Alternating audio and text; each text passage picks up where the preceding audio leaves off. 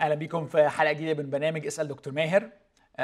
أنا بقالي عشر مرات بنقول هنستكمل مع بعض الدراسة في آه، آه، الكنائس السبعة اللي موجودين في سفر الرؤيا بس إحنا خلصناهم وده إنجاز ضخم. آه، دكتور عايز أهنيك عليه. أنا. أنا فخور بينا يا دكتور. أوكي.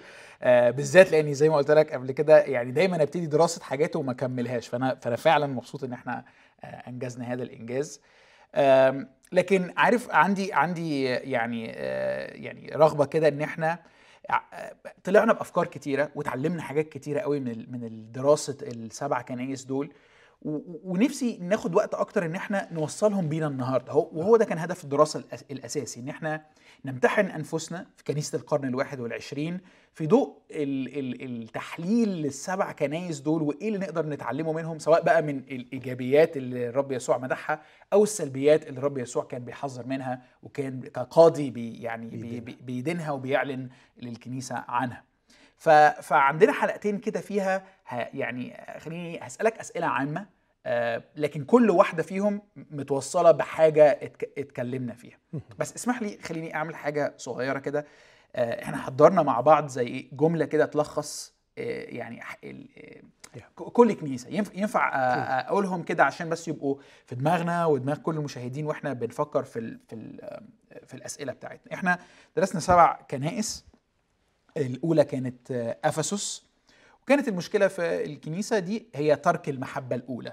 آه، فالكنيسة دي لم تتوقف عن العمل لم تتوقف عن الأنشطة لكن انفصلت في دوافعها عن المحبة سواء لله أو للآخرين واللي حفظ الأعمال دي هو مجرد الكيان المؤسسي.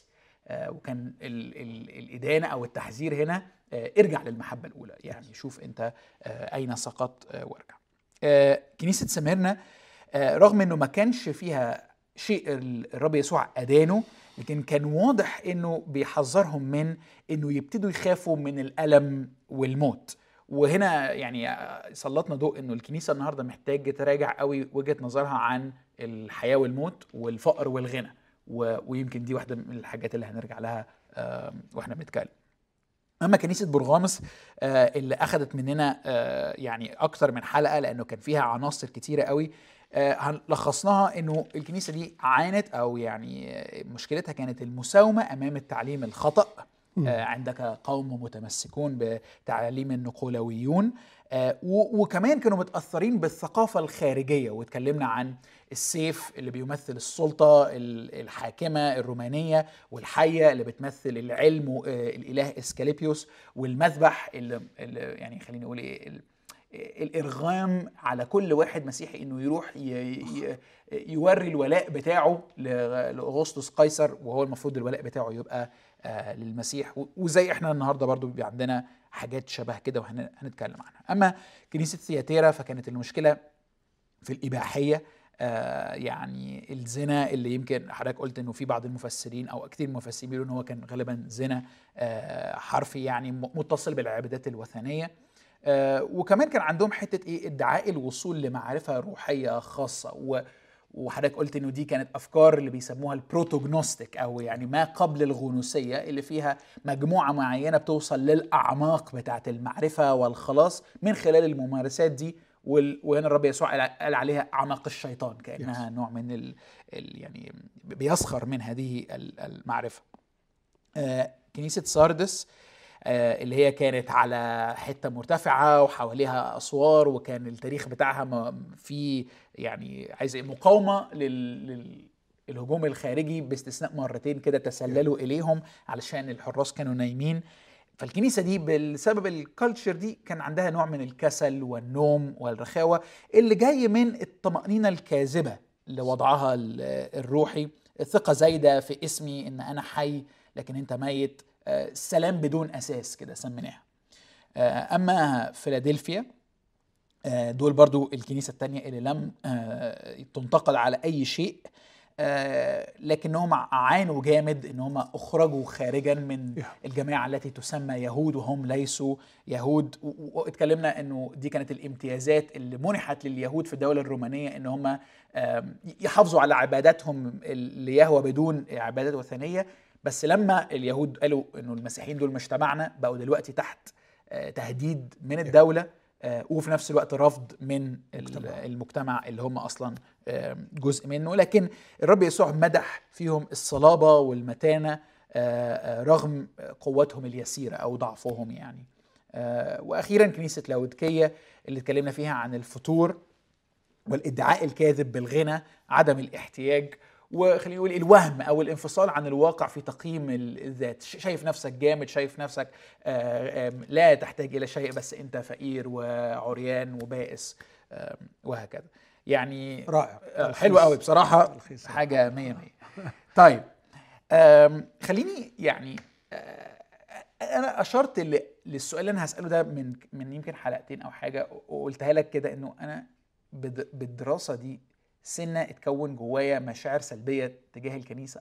أكتر ما يعني ما كان يمكن ساعات بيبقى عندي يعني كل الكنايس صعب. وكمان بقى لما قعدت أفكر بعد ببص كده على الدراسة دي بقول دي كنيسة القرن الأول.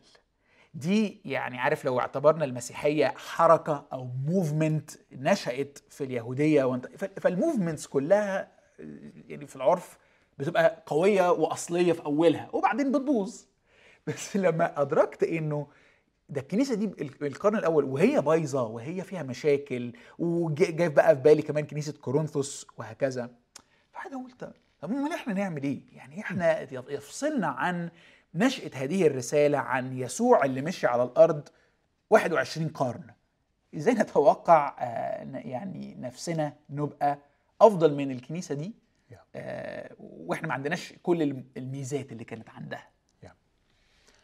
يعني خلينا أقول بعض الأفكار ونناقشها مع بعض. الفكرة الأولى أنه أحيانا بنسمع كتير تمجيد مبالغ فيه للكنيسة في القرن الأول أو اللي بيسموها الكنيسة الأولى يعني.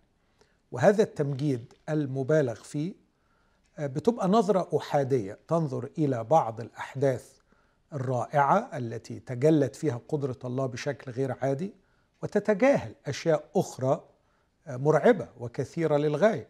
تتجاهل كم من الهرطقات التي وصلت في الكنيسة الأولى أن البعض ينكر القيامة مثلا. آه، والرسول بولس فرض أصحاح كامل في كورنثوس الأولى 15 إزاي أن قوم يقولوا أنه ما فيش قيامة للأموات. آه، على ما بولس كان وصل لسجنه الثاني في تيموثاوس الثانية يكتب ويقول جميع الذين في آسيا ارتدوا عني. بولس لما يكتب في فيليب يقول ليس لي أحد آخر نظير نفسي يهتم بأحوالكم بإخلاص. لما يكلم أسوس كنيسة أفسس ويقول لهم سيدخل بينكم ذئاب خاطفة لا تشفق على الرعية ومنكم أنتم سيقوم رجال يتكلمون بأمور ملتوية يجتذبون التلاميذ وراءهم. فأنا الحقيقة بشعر بعدم الأمان لما بلاقي واعظ أو معلم عمال يمجد في كنيسة القرن الأول وبحس إنه بينظر بعين واحدة بنظرة أحادية وليست نظرة شاملة. وهذا خطير. أنا عندي عندي حتة صدمة كده دلوقتي لأن أنا أنا من الناس يعني دي ال- اللي, اللي اتمالت اللي هو إيه كنيسة أعمال اتنين. كنيسة أعمال اتنين لازم نرجع لكنيسة أعمال اتنين وإحنا الكنيسة بعدنا خالص. يعني وبعدين قعد إيه ده؟ طب ما هو في مشاكل أهو. يعني بالعكس أوكي. مشاكل كتيرة جدا جدا جدا. وأنا حتى لو ركزت على سفر الأعمال هطلع لك ال- المشاكل اللي في كنيسة سفر الأعمال نفسها. والكتاب ما كانش الحقيقة يعني بخيل علينا في أنه يسجل لنا الواقع. ففي أشياء إيجابية وفي أشياء سلبية لكن أحيانا بيكون في احتياج نفسي عند المتكلم آه، أن يتعلق بنصرة عظيمة جدا سوف تحدث ويكون هو جزءا منها ويريد ريفرنس يريد نقطة مرجعية. فتكون النقطة المرجعية بتاعته اللي تسنده في حلمه أو التفكير الرغباوي بتاعه هو آه، أعمال اتنين أو كنيسة القرن الأول. لا كنيسة القرن الأول كانت مليانة بالمشاكل ومليانة بالعيوب ومليانة بالأخطاء التعليمية والهرطقات. واحد زي الرسول بولس بكل عظمته كان يحتقر ويهان ومعلمين كذبة يتكلموا عليه كلام شرير والراجل اضطر يدافع عن نفسه في رسالة كاملة. لكن عايز أقول هناك حكمة إلهية عظيمة في هذا أن الرب سمح بأن كل هذه العيوب تظهر في القرن الأول وفترة وجود الرسل علشان الرسل يردوا على هذه الهرطقات ويعالجوا هذه العيوب وتسجل لنا فتصبح ذخرا وتراثا وثروة للكنيسة في كل عصورها تستفيد منها. كيف الرسول عالج المشكلة في كلوسي؟ لما كان في ناس آه، جايين مهودين وناس مدعيين بالفلسفة اللي هو اللي قبل الغنوسيين آه إزاي العبرانيين اللي ابتدوا يرتدوا وتكتب رسالة العبرانيين؟ آخره. ال- لكن الحاجة الثانية اللي أحب أأكد عليها آه، اللي بيقول إنه إذا كانت كنيسة القرن الأول حصل فيها كده وهي الأقرب إلى المسيح وموجود فيها الرسل فما بالك بكنيسة القرن 21 وهي تفصلها 21 قرن عن المسيح وعن الرسل؟ أرد بردين أقول على فكرة عظمة الرسل ليس فقط فيما عاشوه لكن فيما تركوه ما تركوه لنا هو اللي الرسول أشار إليه وقال مبنيين على أساس الرسل والأنبياء. فأساس الرسل والأنبياء ليس هو ما عاشوه لكن ما علموا به وما كتبوه. فقيمة الرسل فيما كتبوه وما كتبوه ما زال بين أيدينا. ودي النعمة الكبيرة جدا. لكن كمان عايز أقول الكنيسة لم تبنى ودي شوية يعني خلي بالك منها على وجود المسيح بالأرض في الأرض وعلى مشيانه على الأرض. لكن الكنيسة بنيت على أساس أنه يوجد الآن الإنسان في السماء والله على الأرض. الحدث المغير والذي خلق وجود الكنيسة أنه يوجد إنسان صعد إلى السماء وجلس في عرش الله. فالإنسان صار في السماء لكن الأغرب والأعجب وهو أساس الكنيسة ويوم ميلادها أن الله الروح القدس جاء وسكن على الأرض. فسكن الروح القدس على الأرض هي أساس وجود الكنيسة يوم الخمسين. وهذا لم يتغير. في القرن الأول هو بعينه اللي في القرن 21 الروح القدس لم يغادر الأرض لم يغادر الكنيسة. المسيح ما زال يجلس على عرشه رأسا للكنيسة رأسا للجسد. فأساس تكون الكنيسة ليس أن المسيح يمشي في شوارع الجليل والناصرة وأنه يرى بالعين ال- العين المجردة. لكن أساس تكون الكنيسة أن المسيح يجلس على عرشه في السماء وأن الروح القدس يسكن على الأرض. هاتان الحقيقتان لم تتغيرا قيد أنملة عن أعمال اثنين. sorry يعني إيه التعبير ده؟ يعني لم يتغير فيهم أي شيء. okay. يعني لم يزل المسيح يجلس على عرشه الآن في القرن 21 كما كان في القرن الأول ويمكننا الحديث معه. وهو يدعم الكنيسة تماما اليوم كما دعم استفانوس يوم استشهاده والروح القدس الذي كان يعطي قوة للتلاميذ للشهادة ما زال موجود النهارده على الأرض. يعني كأنه إجابة حضرتك لا هو ما فيش فرق نوعي ما بين كنيسة القرن الواحد والعشرين وكنيسة القرن الأول لأنه الحقيقتين دول هم هم ثابتين ولذلك إحنا يعني. مش في وضع مختلف عنهم. بالضبط ما بنيت عليه الكنيسة لم يهتز أوكي. قط ما زال هو هو الأساس. وكمان قلت إنه أنا ممكن أتكلم أكتر في كده وأقول لك إنه بالعكس إحنا عندنا امتيازات النهارده ما كانتش موجودة عند الكنيسة الأولى. مم. يعني زي إيه؟ معلش يعني آه. إديني مثال. ادي أدي لك مثال. لا, لا نستطيع أن ننكر رصيد الخبرات الهائل الذي حدث في تاريخ الكنيسة في صراعها الروحي مع مع مع قوى الشر في هذا العالم. ال- الكنيسة آه، كتبت يعني ال- التراث الروحي اللي عندنا من الآباء والمفسرين والكتاب تاريخ الكنيسة الرهيب الطويل ده كان عبارة عن خلاصة المعارك بين أجناد الشر الروحية في السماوات وبين الكنيسة. آه، الكنيسة الأولى كانت لسه بادية جديد طازة ما عندهاش أي ال- التراث ده خالص. فإحنا عندنا النهارده رصيد تراثي رائع لم يكن متوفر للكنيسة الأولى. الأمر الثاني والمهم الكنيسة الأولى ما كانش عندها العهد الجديد. يعني لما كانوا يحتاجوا ريفرنس يرجعوا له كانوا بيرجعوا العهد القديم وكانوا بيحتاسوا. فكان يمكن اللي بيسد الفراغ شوية وجود الرسل والأنبياء بينهم لكن كان الأمل ان أن يكتب العهد الجديد ويصير بين يدي الكنيسة. فإحنا عندنا كنز ما كانش موجود عند ال- الكنيسة الأولى. الحاجة الثانية اللي أقدر أقولها بقى ودي شوية محتاجة دراسة يعني. فكرة خلينا أقول التراث مش الخبراتي التراث الروحي العمق في الموفمنت اللي بينتقل من جيل إلى جيل. فكل جيل يبدأ من حيث انتهى الجيل الآخر.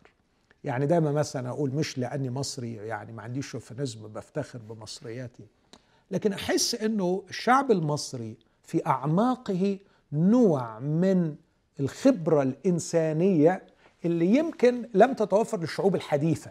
مثلا. مم. لما أتعامل مع شعب زي الشعب الأمريكي مثلا اللي عمره قصير ال- ال- العمق التاريخي بيعطي شيء من الخبرة الروحية. مم. آه، بتبقى مخزونة في الذاكرة. آه، فأنا أعتقد إنه الكنيسة النهارده لديها كل الإمكانيات ولديها مميزات. أكيد الكنيسة الأولى كان الرب يميزها بأشياء معينة. أنا لا أستطيع أن أجزم زي المواهب المعجزية مثلا. لا أجزم تماما إن إحنا حرمنا مئة في المئة فيستطيع الرب أن يتدخل. لكن علينا أن إحنا نفكر أن كل عصر ربنا بيميزه بحاجة مش موجودة عنده. إحنا عندنا تكنولوجي النهاردة ما كانش موجودة عند الكنيسة الأولى. عندنا إمكانية غير عادية أن تصل إلى الملايين في ثواني. ما كانش موجودة عند الكنيسة الأولى.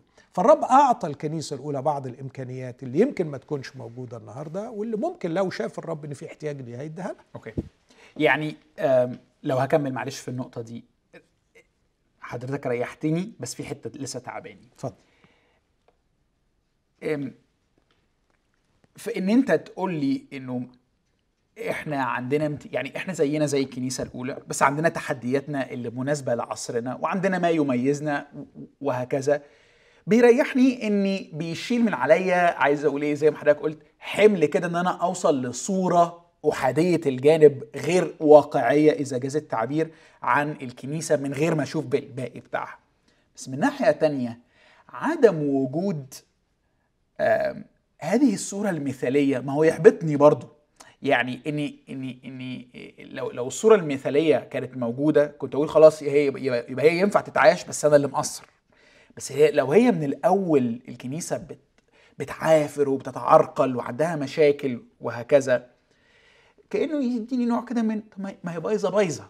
بالذات بقى في في ضوء إنه يعني أنا عايز أقول إنه رسالة الإنجيل قوية وتغير تغيير ontology زي ما بنقول وهكذا وتحس ما human nature الطبيعة الإنسانية ما هي قوية أهي من الأول لحد النهارده. وال sorry sorry الإنجيل ما عرفش يغيرها في كل عصورها. sorry يعني. okay. يعني لا طبعا مش موافقك خالص يا يوسف. يعني ال- الصورة المثالية لما نقول المثالية آه، ربما جواك إحساس إنه كل الكنيسة حلوين. لا ده ما حصلش. ما حصل. الكنيسة الأولى من سفر الأعمال كان فيها راجل اتعمد ووصل وبقي مؤثر وبعدين اكتشفنا إنه ضلالي سيمون الساحر. فالكنيسة فيها سيمون لكن الكنيسة فيها أبفراس الذي خاطر بنفسه حتى الموت لكي يجبر نقصان خدمة إخوة فيلبي فأن يصل إلى بولس في سجنه. هذه المحبة التي تضحي بالحياة. في أكيلا وبرسكيلا تلك العائلة البسيطة اللي يبدو أن الرب سمح بالحرمان من الأولاد. والرسول يقيم في بيتهم ويقعد في بيتهم. وراجل ده اللي كان بيؤخذ من على جسده مآزر أحيانا تشفي المرضى. هذا الرجل يقيم في بيتهم وما يفتحش رحم الست الغلبانة ويديها طفل. ويفضل أكيلا وبرسكيلا معرضين إنهم يتهجروا من مكان لمكان. لكن في يوم من الأيام وضع عنقيهما من أجل حياة الرسول. إيه ده؟ إيه الجمال ده؟ ما إحنا بنشوف يسوع تاني أهو. فلما تقول لي الصورة المثالية يعني كنيسة ناجحة جميلة ما فيهاش عيوب كل الأعضاء آه، فلة يعني حاجة ما حصلت لا ده كلام مش حقيقي خالص. لكن هل الوضع المثالي التمثل بشخص يسوع حدث في الكنيسة الأولى ويحدث اليوم؟ أنا أجزم نعم. نعم وألف نعم. هل هناك أشخاص خاطروا بحياتهم من أجل يسوع؟ وخاطروا بحياتهم من أجل بعضهم البعض. نعم. وهل هذا يحدث اليوم؟ نعم. في أتقياء وفي قديسين بس ما بيبقوش آه، آه، لهم أماكن في الكنيسة المؤسساتية بحيث ترفع أسماءهم وتطلق أسماءهم على الكنائس وعلى الميادين وعلى القاعات. لكن الرب يعلمهم والرب يعرفهم و... وأنا شخصيا آه، لازم أشهد وأقول إني تقابلت مع هؤلاء. والتقيت بقديسين وأفاضل في كل بقاع الأرض. أشخاص يعيشوا الحياة المسيحية الصحيحة لكن كمان اسمح لي أضيف حاجة لما بننتقد الكنيسة الأولى أو الكنيسة في القرن الواحد والعشرين اللي إحنا جزء منها يعني اللي إحنا جزء مش منها. مش. مش آه. باي شكل من الإدانة يعني اللي إحنا أحسن يعني بالظبط عايز أقول حاجة بتخفى علينا وكأننا بنحس كده إنه إيه في جنينة جميلة قوي وجه مهندس وبنى فيها كيان عظيم ولأنه المهندس ده هو الرب يسوع فأكيد بيطلع حاجة ما حصلتش فتطلع جميلة من إيديه. هذا تصور ساذج. الكنيسة الإلهية الكنيسة الحقيقية كيان إلهي متجسد في لحظة زمكانية تحمل طابعها. يعني أنت أنت الزمان والمكان في الأرض تمت السيطرة عليه تماما من قوى شريرة. وبعدين بيجي واحد بيروح عامل عملية إسقاط جوه هذا الوضع المرعب المسيطر عليه ويحط جنوده جوه النظام ده. بس على فكرة بيحط جنوده جوه النظام ده وجنوده أنفسهم كانوا إلى وقت قريب إلى الأمس القريب جزء من هذا النظام. مش مش جايين من الفضاء يعني مش جايين من الفضاء. فأنت أنت بتعمل عملية انتحارية عملية رهيبة. تخيل إن أنت عايز تخرب نظام قائم بأشخاص كانوا إلى الأمس القريب جزءا من هذا النظام. فأنت بتجيب شاول الطرسوسي اللي هو جزء من آه، آه، نظام بيخرب الكنيسة لتجعله جزءا من الكنيسة يخرب النظام اللي في الأرض النظام الديني مثلا اللي كان قائم ساعتها. فالكنيسة كيان إلهي لكن يحمل سمات الزمان والمكان. خلينا ادي لك مثال من رسالة تيتوس رسول بولس اللي هو أكتر واحد تكلم عن الكنيسة ككيان إلهي بكل امتيازاتها وعظمتها بيكتب لتيتوس وبيقول له في اصح واحد عدد 12 آه، بيقول له قال واحد منهم من الكريتيين قال واحد منهم وهو نبي لهم خاص شاعر يعني كلمة نبي sorry اللي شاهد فين؟ تيتوس واحد. رسالة الرسول بولس إلى تيتوس والأصحاح الأول عدد 12 قال واحد منهم وهو نبي لهم خاص الكريتيون دائما كذابون. وحوش ردية بطون بطالة. هذه الشهادة صادقة. عايز أسأل سؤال هل بولس يتكلم عن الكنيسة هنا أم يتكلم عن المجتمع؟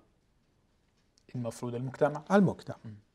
فالمجتمع بهذا الشكل اللي وصفه شاعر منهم أو نبي منهم. بعدين يقول وبخهم بصرامة. يعني بص عدد 13 هذه الشهادة صادقة. فلهذا السبب وبخهم بصرامة لكي يكونوا أصحاء في الإيمان. يوبخ مين؟ المجتمع ولا الكنيسة؟ كنيسة. كنيسة. إيه المعنى اللي أخده من عبارة مرعبة زي كده؟ إنه يعني القماشة يعني ما هو أنت واخد من القماشة دي. بالظبط. بالظبط بس تقدر توبخه. تقدر, تقدر يعني في أمل إنه يعني يتصلحوا ليكونوا أصحاء في آه الإيمان. بالظبط وبخهم أوكي. بصرامة ليكونوا أصحاء في الإيمان. فهذا الافتراض الساذج إنه الشخص قبل المسيح بقي من الكنيسة خلاص. لا يا حبيبي ده جايب عبل المجتمع كله جوه. جايب أمراضه النفسية جوه. أنا مرة كتبت وقلت إنه أنا لا أعاني مع المرضى النفسيين في عيادتي قدر ما أعاني مع المرضى النفسيين جوه الكنيسة. المجتمع بيجي الشخص بعبله إلى داخل الكنيسة. وهنا بقى يجي دور الفريق الجبار اللي المفروض بيشتغل. بيشتغل. مش يخلي الناس اللي جوه دي to feel good إنهم يستريحوا ويبقوا مبسوطين لكن اشتغل لكي يكونوا good to be good مش to feel good وهنا دي نقطة محتاجين نفكر فيها بثقافة القرن 21 إنه أنا جيت أهو بقى. عارف أنا جيت نورت البيت؟ أنا جيت الكنيسة. يلا بقى. أنا جيت لكم أهو. تنازلت وجيت لكم. يلا بقى خلوني أفيل جود خلوني أتبسط. خلوني أشعر كده بإنه رغباتي محققة وذاتي محققة ومواهبي مفعلة وأخدم. حبيبي أنت تيجي عشان تتعالج. أنت جاي بأمراضك. والمفروض تخضع للتلمذة. والمفروض تخضع للتأديب الكنسي والمفروض تخضع حاله روحية صحيحة من التعليم والتهذيب والتربية علشان تبقى صحيح في الإيمان. واعرف إنه الناس اللي هيساعدوك إن تكون صحيح في الإيمان هم كمان في بيتعالجوا. رحلة بيتعالجوا. صب. فالإحباطات ممكنة وخيبة الأمل واردة و... وتمام. إيه الدافع الوحيد اللي يخليه يتحمل الكلام ده؟ مم. إنه بيدور على نوع من الاكزيستنس يا يوسف نوع من الوجود. الراقي اللي ما لقوهوش بره. بيدور على نوعية من الحياة والخلود وعلى إشباع أعماقه الروحية اللي عارف كويس إن العالم بره عمره ما هيقدمها. فلأنه مؤمن ومقتنع أنه بالعلاقة مع المسيح في الإطار الكنسي سيشبع احتياج روحي عندي عطش روحي عندي وسيتحقق نوع وجود و و ونوع خلود يستحق المعاناة والتضحية. لو ما عنديش التصور ده مش هستحمل أرتبط بالكنيسة وأخضع للتلمذة. لو الكنيسة هي هذا المكان الجميل الذي أذهب إليه في نهاية الأسبوع just to feel good الواحد يستريح كده ويسمع كلمة تبسطه. ويعني نرنم. أصل أنا بحب الترنيم قوي. أصل أنا بحب الشلة قوي. أصل أنا بحب الخروجة اللي بعد الاجتماع. بس هم دمهم تقيل علشان ما بيدونيش مكان في اللجنة وما بيدونيش مكان على المنبر وما خلونيش من الفريق اللي عمله. وما مسكنيش القيادة. دي بقى يعني علامات مرض. يعني مش هيجي مش هيجي قدام ده. طب واللي بيزعل علشان ما يعني حاجة أقل يعني ما سألوش عليا ما اهتموش بيا. يعني هل ده ليجيتيميت هل ده مشروع يعني زعل مشروع ولا برضو مبالغة في التوقع؟ لا يعني أنا لو مهمل من من الكنيسة يعني برضو بس لازم أحطه في حجمه الطبيعي. يعني ما تسألش عليا ما حدش يهتم بيا. صح حاجة تزعل بس تتحط في حجمها في حجمها الحقيقي. يعني ما, ما تبقاش هي دي القضية اللي تحدد. كل شيء في علاقتي بالمسيح وعلاقتي بالكنيسة. أوكي. تتحط في حجمها الطبيعي وبعدين التصرف البسيط إن أخطأ إليك أخوك ده واحد من أهم مبادئ الكنيسة. مين اللي ما سالش عليك يا حبيبي؟ كنت متوقع مين يسأل عليك؟ يوسف. روح قول ليوسف. روح قول ليوسف يا يوسف أنت ما سالش عليا. وأنا صعبان عليا. ونشوف رد فعل يوسف. هيبين يوسف قد إيه مشي في حالة الشفاء بتاعته؟ وأنت هتبان أنت قد إيه؟ لو قال لك أنا آسف لأنه فعلا أنا كنت مشغول هيحضنك ويقول لك خلاص أنا سامحتك لأنه أنا ما كنتش فاهم إنك مشغول أو عندك ظروف أو وات يعني. فلو لو أحب ألخص وقولي لو موافق ولا لأ إنه يمكن زعل ناس كتيرة من جيلي والشباب من الكنيسة آه نابع من توقع خاطئ عن إيه المفروض إيه الهدف والسبب الوجود بتاع الكنيسة وإيه البروسيس بتاع العملية اللي كل أعضاء الكنيسة بيمشوا فيها علشان يحققوا الهدف ده. وده بيدعمه عايز أقول صورة مثالية غير واقعية عن الكنيسة الأولى. توقع خاطئ لكن كمان أميل أكتر دافع خاطئ. الدافع هو إنك تفيل جود ولا تو بي جود أوكي. الدافع دي بقى ليها علاقة بالعصر كمان آه. يعني الدافع إنك تشعر بأحاسيس حلوة ولا عايز تبقى إنسان حلو. Yeah. لأنه لأنه be يعني be good فيها الأول اعتراف ضمني إن أنت you are not good أنت أنت وح أنت أنت مكسور أنت مريض أنت خاطي. وبالتالي آه لما بتيجي لهذا كده العملية فيها صراع وتعب تمام. معاك ومع الآخرين. عايز أختم بس النقطة دي بأن يعني عبارة أنا كتبتها فمستخسرها لا لا بليز يعني بقول إن الكنيسة الأولى إحنا بننسى إنها كانت كيان إلهي. صحيح. كيان إلهي. في حاجة روحية حصلت. صار صوت كهبوب من ريح نار. وأتى الروح القدس وسكن في هؤلاء التلاميذ وخلق كيان إلهي. محدش يقدر ينكر وده كيان إلهي بديع وعظيم. الرب يسوع كان تنبأ عنه وقال على هذه الصخرة أبني كنيستي وأبواب الجحيم لن تقوى عليه. لكن بننسى ثلاث حاجات. الكنيسة كيان إلهي لكن متجسد في لحظة في الزمان والمكان في عالم يسوده إبليس. بس فكر في العبارة فكر في العبارة دي. انت انت هتخوض حرب مرة. لكن كمان الكنيسة كيان إلهي. لكن كيان إلهي متجسد في كيان مكسور وساقط. البشر دول اللي هو حل فيهم الكيان الإلهي هم أصلا بروكن مكسورين وخطاة وجايين من مليان جسمهم بالخطية. فهتطلع مشاكل مش من العالم بس اللي هم تجسدت فيه الكنيسة الواقع اللي الكنيسة اتحطت فيه إنه في حرب من بره لكن هم نفس الأشخاص دول بيطلعوا خطية. فدي مشكلة. يعني كنيسة كورنثوس كانت المشاكل مش جاية لها من بره. نقراش على الاضطهاد ابدا في كورنثوس. صح. لكن نقرأ على المصايب كلها طالعة من جوه. فإحنا بننسى أن الكنيسة كيان إلهي لكن متجسدة في لحظة في الزمان والمكان في عالم يسوده إبليس. وبننسى كمان أن الكنيسة الأولى كانت كيان إلهي عظيم لكن متجسد في أناس مكسورين وخطاط. لكن كمان بننسى أن الكنيسة في القرن الأول كيان إلهي متجسد في لحظة في التاريخ البشري بدون سابق خبرات. ده, ده وضع جديد قوي على التاريخ البشري. طب نعملها إزاي ونمشي إزاي؟ إحنا هنمشي زي اليهود؟ ما هو ده الحرام اللي لخبطهم وخلاهم أحيانا يهودوا. صح. طب اليهودية كانت معروف أولها واخرها بنروح في السنة ثلاث مرات للهيكل ونصعد إلى أورشليم وما ناكلش كده وناكل كده و... و... و... انت جايب لي حاجة جديدة خالص في التاريخ البشري وبتقول لي مش اللي يدخل الفم هو اللي ينجسه وما فيش أيام أصعب. ولا اعياد أصعب. فأنت ما عندكش رصيد خبرات. أنت جديد في التاريخ البشري. ف- فأرجو إن إحنا نبص بصة واقعية على يعني الكنيسة الأولى ونعرف إن إحنا بنعيش في نفس ال- الخط بتاعها ولنا ما لها وعلينا ما عليها حلو قوي sorry إن إحنا طولنا في الحتة دي بس يعني كان عندي إحساس يعني هيمن عليا كده في الدراسة دي إحساس سلبي وكان كنت عايز أقوله وحاسس إن أنا استريحت جدا بصراحة. بالمناقشة دي. طيب هنتقل بقى آه، لبرضه فكرة تاني هيمنت عليا الوقت اللي فات. آه، وأظن إنها ممكن تبقى مع ناس تانيين يعني. أنا دايما بتوقع يعني إنه الأسئلة اللي أنا بسألها في ناس تانية بتفكر فيها يعني. أتمنى إن ده تبقى حقيقة.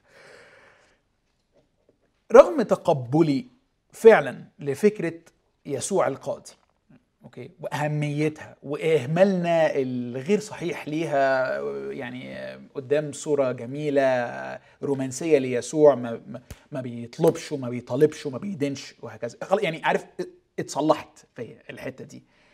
لكن لسه برضو ما اكدبش عليك جوايا حتة بتنفر كده من فكرة آتيك. أنا أتيك. يعني هاجي عليك دلوقتي okay؟ يعني أنا فعلا يعني sorry يعني بخاف الناس تزعل مني وتحسين إن أنا ب ب يعني مش مش بحترم الكتاب أو كده. بس عارف حتة اللي هو إيه اتعدل وإلا يعني هاجي لك. ف ممكن يتكون جوايا حتتين. نمرة واحد يا رب أنت يعني عايز أقول إيه أنت أنت عارف إنه إن الموضوع صعب والإغراءات قوية. وأنا ضعيف وأنا مكسور وكل وكل الحاجات دي. أنا محتاج دلوقتي في أوقات محتاج حد يشجعني يحفزني مش يكربجني okay؟ أو يعني يهددني. وكأني عمال أفكر. هو هو مفيش طرق تانية للتحفيز؟ يعني positive motivation يعني كواحد يعني بحب الحاجات دي. فاهم قصدي؟ فاهمك. هل هل هل الإحساس ده آه، أنا غلطان ومحتاج أتصلح فيه ولا ولا في يعني يعني مبني على فرضية خاطئة. زي أغلب أسئلتي. لا لا. لا. لا العفو. okay. لا لا. مبني على فرضية خاطئة بتفترض إنه الشخص اللي يسوع بيقول له آتيك عن قريب وأزحزح منارتك هو الشخص اللي أنت وصفته. يا رب أنت عارف أنا بصارع وأنا تعبان وأنا ضعيف وأنا مكسور. حاشا للرب إنه إنه إنه يجي الواحد بالقضاء وهو في الحالة دي. لكن لما يبقى عندك من الجانب الثاني واحد مدعي ادعاء فارغ. واحد منفصل تماما عن الواقع. واحد حول الكنيسة إلى مؤسسة بدل ما تبقى جسد المسيح. وكل بقى إن واحد بي بي بي بيسمح بالإباحية جوه الكنيسة. أنت تسيب المرأة إيزابل أنت بتسيبها. تعلم عبيدي أن يأكلوا ما ذبح للأوثان ويزنوا وحتى لما بيقول له تعلم عبيدي. يا بني آدم حس بالخوف شوية على على أولادي اللي أنا ائتمنتك عليهم على أولادي اللي جوه. في خطر مرعب هيدمر العائلات في خطر مرعب هيدمر الأطفال في خطر مرعب هيدمر الأجساد ده في شر بيرتكب. فأنت بنيت ال- ال- الإحساس بتاعك على فرضية خاطئة إنه لما الرب بيقول آه، اتعدل وإلا آه، لواحد غلبان ومكسور وضعيف هذا افتراض خاطئ مئة في المئة. لكن الرب بيقول أيوه أيوه وليه حق يقول اتعدل وإلا لما تكون بتدمر له عياله. لما تكون بتدمر له كنيسته اللي, اللي اقتناها بدمه. لما يكون الرب ساهر على الكنيسة وعايز وبيبذل مجهود جبار مع كل مؤمن عشان يكون صحيح وسوي وتيجي انت ابعته عندك في الكنيسة فيفاجئ إن في ناس أشرار ولا عرافين ولا هراطقه بي- بيفسدوه وبيضيعوه. وانت بتقول أنا غني وقد استغنيت ولا حاجة لي إلى شيء. أو عامل زي بتاع سردس عندك سلام وطمأنينة وهمية لك اسم أنك حي وأنت ميت. اسهر اسهر وإلا آتيك كلص فالفرضيه الخاطئة هي ممكن نفرقها في كلمة بسيطة الضعف والخطيه حاشا للرب أن يدين الضعف. الرب يرثي للضعف. يرثي للضعف. ليس لنا رئيس كهنة غير قادر أن يرثي لضعفاتنا. لا ده, ده قادر أن يرثي لضعف. والرثاء رائع هنا. الرثاء ليس مجرد التعاطف لكن يعين المجربين في إعانة. فهو تعاطف وتدخل إيجابي بالإعانة ويصل في عبرين سبعة للخلاص يقول من ثم يقدر أن يخلص إلى التمام الذين يتقدمون به إلى الله إذ هو حي في كل حين ليشفع فيهم.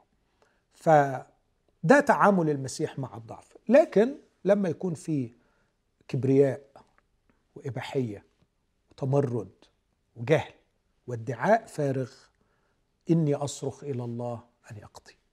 أصرخ إلي أن يقضي، مش يقضي يعني حبا في القضاء لكن لإنقاذ المساكين اللي اتدمروا بسبب غياب القضاء.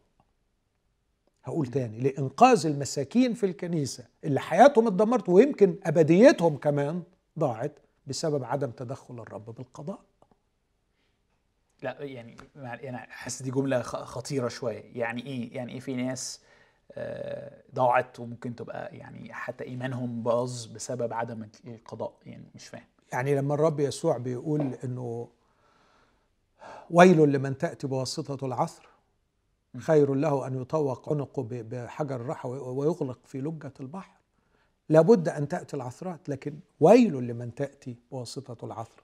لما يترك الشر في الكنيسة لما يترك قادة بأبيوز الناس يستغلوا الناس ماديا جنسيا تعليميا فكريا ويفرضوا نوع من السيطرة ويبنوا إمبراطورياتهم الخاصة على حس الناس الغلابة. وربنا ما يتدخلش بالقضاء.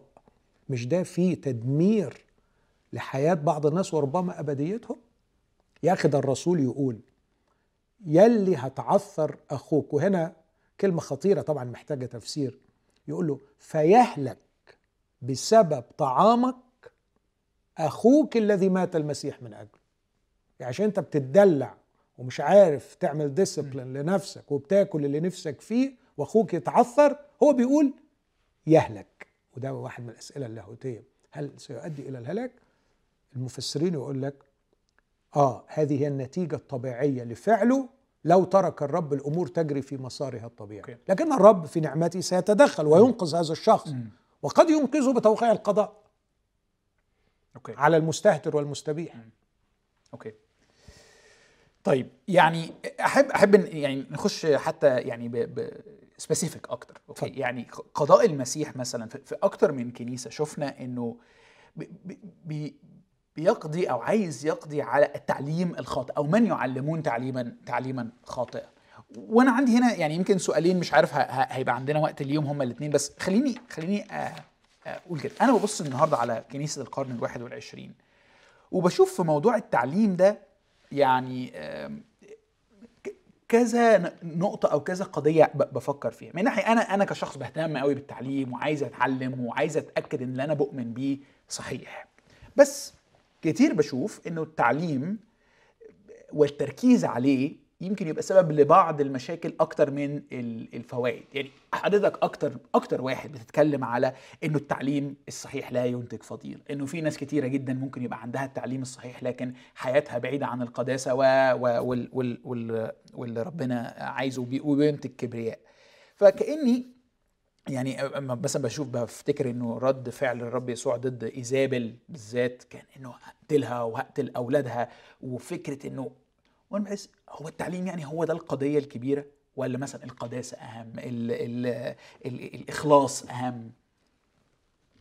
يعني طبعا خد بالك إنه المثل اللي أنت جبته إنه التعليم الغلط الرب يسوع أدى يعني إلى عدم قداسه آه okay يعني صح دي غلطتي فعلا. يعني بس يعني okay يعني الرب يسوع كان عنيف جدا معاها وحتى استعمل في تعبيرات القضاء بيقول عندي عليك إنك تسيب المرأة ايزابل التي تقول إنها نبية حتى تعلم وتغوي عبيدي أن يزنوا. فتعليم من أجل الزنا.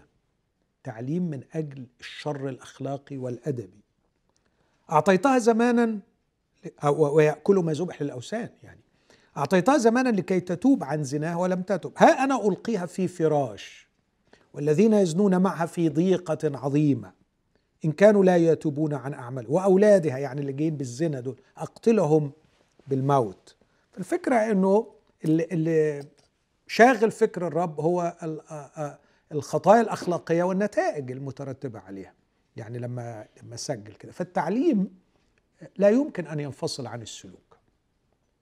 التعليم الخاطئ يؤدي إلى سلوك خاطئ. لكن التعليم الصحيح ليس بالضرورة أن يؤدي إلى حياة القداسه هل كل تعليم خاطئ يؤدي إلى سلوك خاطئ؟ eventually يعني مع الوقت مع الوقت فعلا احتضانك ل... إلا إذا بقى خد بالك في حتة هنا لازم نوضحها ودي دايما بتكلم عنها إنه إحنا عندنا حاجة اسمها implicit theology و explicit theology. اللاهوت المضمر أو الخفي واللاهوت المعلن.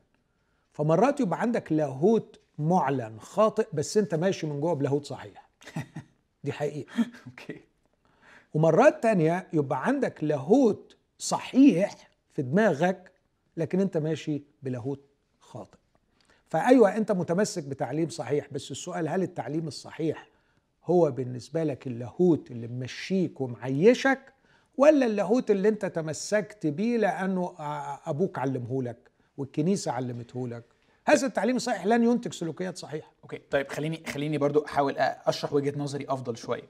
يعني إحنا مثلا في, في العالم الإنجيلي مثلا متعودين إنه في طوائف كتيرة مختلفة وإنه بنقول إنه يعني نمد يد الشركة ما بين ال ما بين ال الأطياف دي أو ما بين العقائد المختلفة دي لأننا مش بنختلف اختلاف جذري على الإنجيل لكن عندنا بعض الاختلافات اللي بنسميها فرعية أوكي؟ لكن لو ده اللي بنقوله إيه؟ قدام بعض. بس لو دخلت بقى في كل طائفة من دول هيقولوا إيه؟ أنا اللي بعلم التعليم الصحيح وأخويا ده أو إذا سميته أخويا بيعلم تعليم خاطئ. وبالتالي لو أنا هطبق اللي حضرتك بقى بتقوله انه كل تعليم خاطئ يعني ما يعني مسيره يقود إلى سلوك خاطئ. فأنا مش بشوف بس أخويا ده بيعلم مش بشوف بس اختلاف عقائدي معاه. أنا بشوف نوع من الخطر اللي هو فيه اللي هيقوده بعد كده إلى عدم قداسة أو خطية أو أو هكذا. ف هل ينفع أنا في في الاختلافات دي أقول إنه لا دي دي مشكلة هتبقى أخلاقية قدام فخلي بالك دلوقتي ولا في مساحة ينفع نختلف فيها بدون القلق ده؟ وبسأل السؤال ده علشان الناس اللي بتعمل من كل اختلاف عقائدي قضية كبرى بتقسم بيها ما بين الإيمان القويم والإيمان اللي مش قويم بتنتج انقسام وصور يعني صوره مش حلوة للكنيسة وعشان كده بقول ليه ربنا ليه اهتمام الرب يسوع بالتعليم زيادة عن اللزوم؟ وهو الموضوع ده سبب مشاكل كتير. لفة كبيرة يعني بس يعني, يعني. يعني عايزه كلا عايزه حلقه لوحديها okay okay. خليني أقول لك بعض الحاجات اللي على قد ما أقدر أكون مركز فيها ومختصر كنت أحب يعني أرتبها أكتر من كده لكن هقول بتلقائية ونشوف مع بعض. خليني أقرأ لك حاجة جميلة في رسالة تيموساوس الأولى والثانية. أوكي. في تيموساوس الأولى ستة الرسول آخر كلام بيقوله لتيموساوس في عدد ثلاثة من تيموساوس الأولى ستة. إن كان أحد يعلم تعليما آخر ولا يوافق كلمات ربنا يسوع المسيح الصحيح والتعليم الذي هو حسب التقوى فقد تصلف وهو لا يفهم شيئا. بل هو متعلل بمباحثات وممحكات الكلام التي منها يحصل الحسد والخصام والافتراء والظنون الردية ومنازعات ومنازعات أناس فاسدي الذهن وعادم الحق يظنون أن التقوى تجارة. تجنب مثل هؤلاء. بص خطورة الكلام ده يا يوسف. كلام واضح جدا إن المشكلة إنه التعليم الغلط خطر. إن كان أحد يعلم تعليما آخر. لا يوافق كلمات ربنا يسوع المسيح الصحيح. بعدين راح بص الكلمة الجميلة. التعليم الذي هو حسب التقوى. فالسمة العامة للتعليم الصحيح اللي لا يمكن تنفصل عنه هو أنه تعليم يقود إلى التقوى. التعليم الصحيح يقود إلى التقوى. التقوى بقى ليها سمات من أهمها إنك بتحب أخوك وتنزل عند رجليه وتكون متواضع وتحرص على سلامته. هي دي التقوى الحقيقية مش إنك تتعالى عليه وأنت عندك تعليم غلط. فالتعليم الصحيح هو تعليم بحسب التقوى. التعليم الصحيح اللي يقودك إلى تقوى الرب مخافته ومحبته وعبادته والاتضاع أمامه مش لحالة الكبرياء وأنا أفضل من غيري. فيس التعليم الخطأ مضر ومدمر. وعشان كده بيقول له إن كان أحد يعلم تعليما آخر لا يوافق ده يعني ابعد عنه ده ده ده خطر على الكنيسة. لكن طب إيه هو التعليم الصحيح؟ التعليم الصحيح هو حسب التقوى. الحاجة الثانية بيقولوا إن الناس اللي اللي بتتمسك بتعليم وبتنادي إنه ده التعليم الصحيح وهو تعليم غلط طب إذا كان التعليم الصحيح بيجيب التقوى التعليم الغلط يجيب إيه؟ بص أهو بيقول لك يجيب حسد وخصام. وافتراء وظنون رديه ومنازعات أناس فاسدي الذهن وعديم الحق.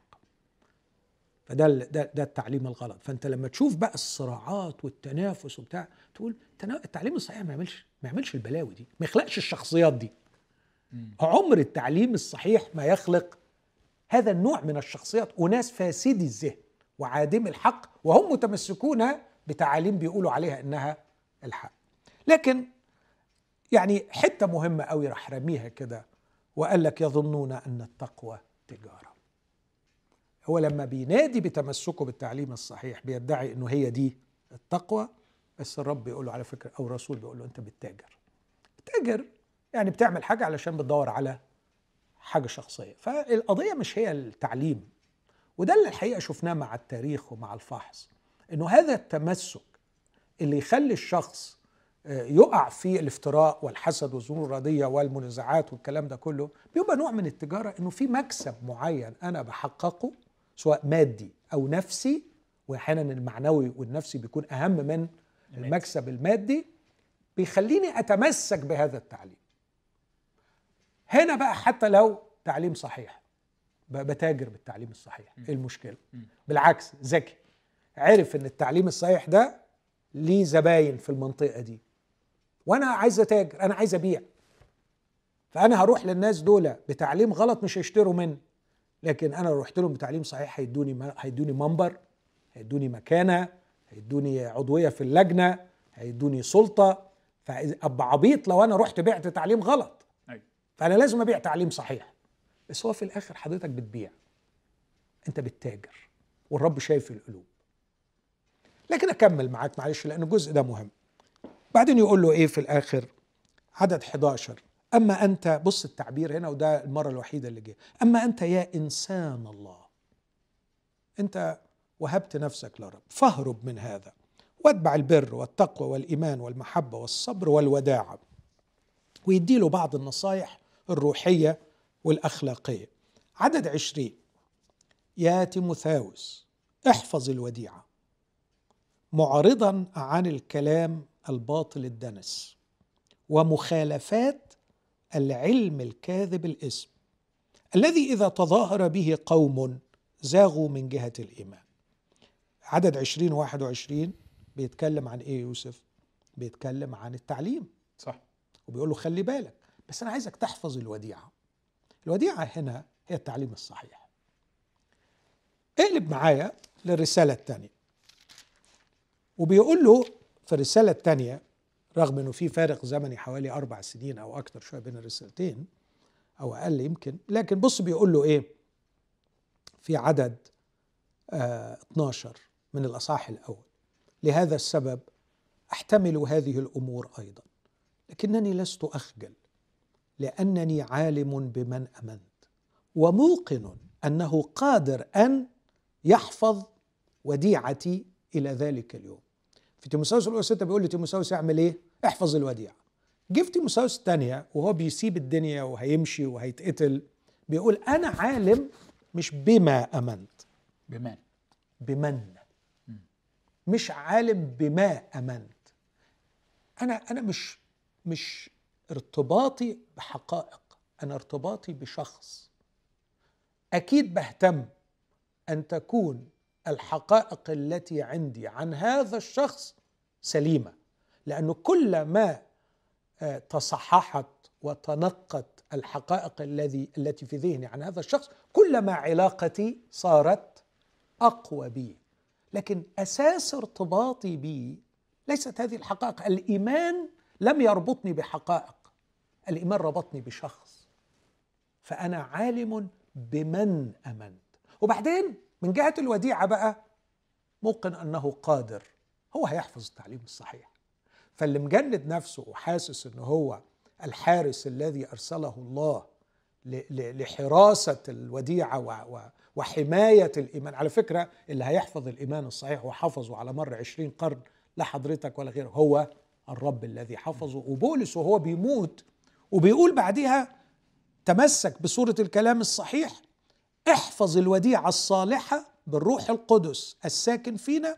أنت تعلم أن جميع الذين في اسيا ارتدوا عني. يعني في ناس بترتد بس الرب هيحفظ الوديعة. وأنت لما تيجي تحفظها بص جمال الكلمة احفظها بالروح القدس. مش باللسان الطويل مش بالهجوم على خلق الله. احفظ الوديعة بالروح القدس. يعني احفظها بالروح القدس. كلمة جميلة قوي احفظ الوديعة بالروح القدس الساكن فينا عيشها. عيشها. أعظم وسيلة لحماية الحق إنك تعيشه. أعظم وسيلة للتمسك بالحق والدفاع عنه. عايز تدافع عن الحقيقة دي؟ أعظم وسيلة تعمل إيه؟ عيشها. تعرف كل ما تعيشها كل ما تبقى في الأرض. كل ما تستمر في الأرض. الحقيقة المعاشة ديناميت يؤثر في الآخرين. من غير الصوت العالي. أما الحقيقة التي يدافع عنها من غير ما تعيشها بتكره الناس فيها.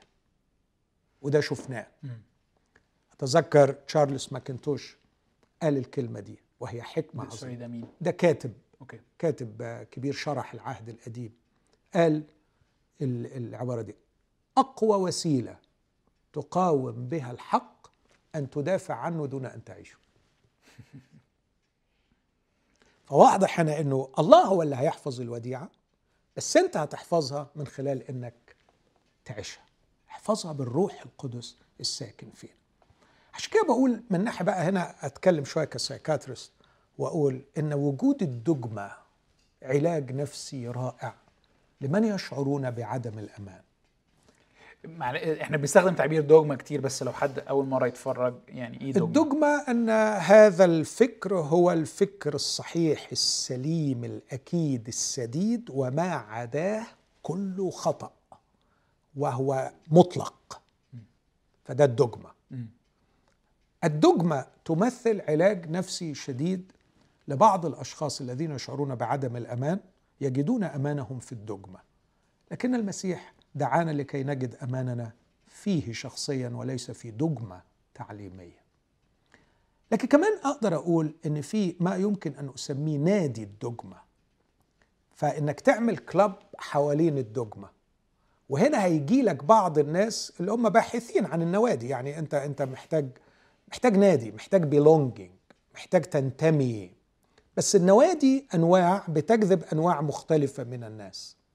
فهناك بعض الشخصيات المفكرين اللي يحبوا قوي الصراع الفكري و آه، عارف حتى ما أقدرش اسميهم مفكرين يعني لكن اشخاص اللي هم آه، بيجدوا متعة في الدجمة الفكرية ده اللي أقدر أقوله يحبوا يتلموا على بعض. فيبقى عندك شعور بيشفع عندك شعور بعدم الأمان من خلال الراحة في الدجمة ويشفع عندك الشعور بالاغتراب من خلال نادي الدجمه وللأسف ده بتلاقيه في الطوائف المسيحية منتشر كتير إنك تلاقي فيه دفاع عن الدجمه ودفاع عن نادي الدجمه حلو قوي.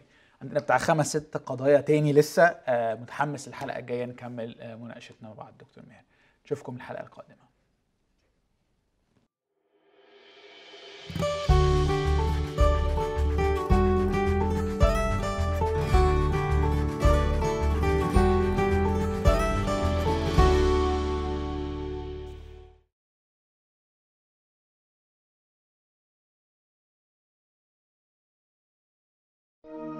لمشاهدة المزيد من الحلقات زوروا سات 7 بلاس.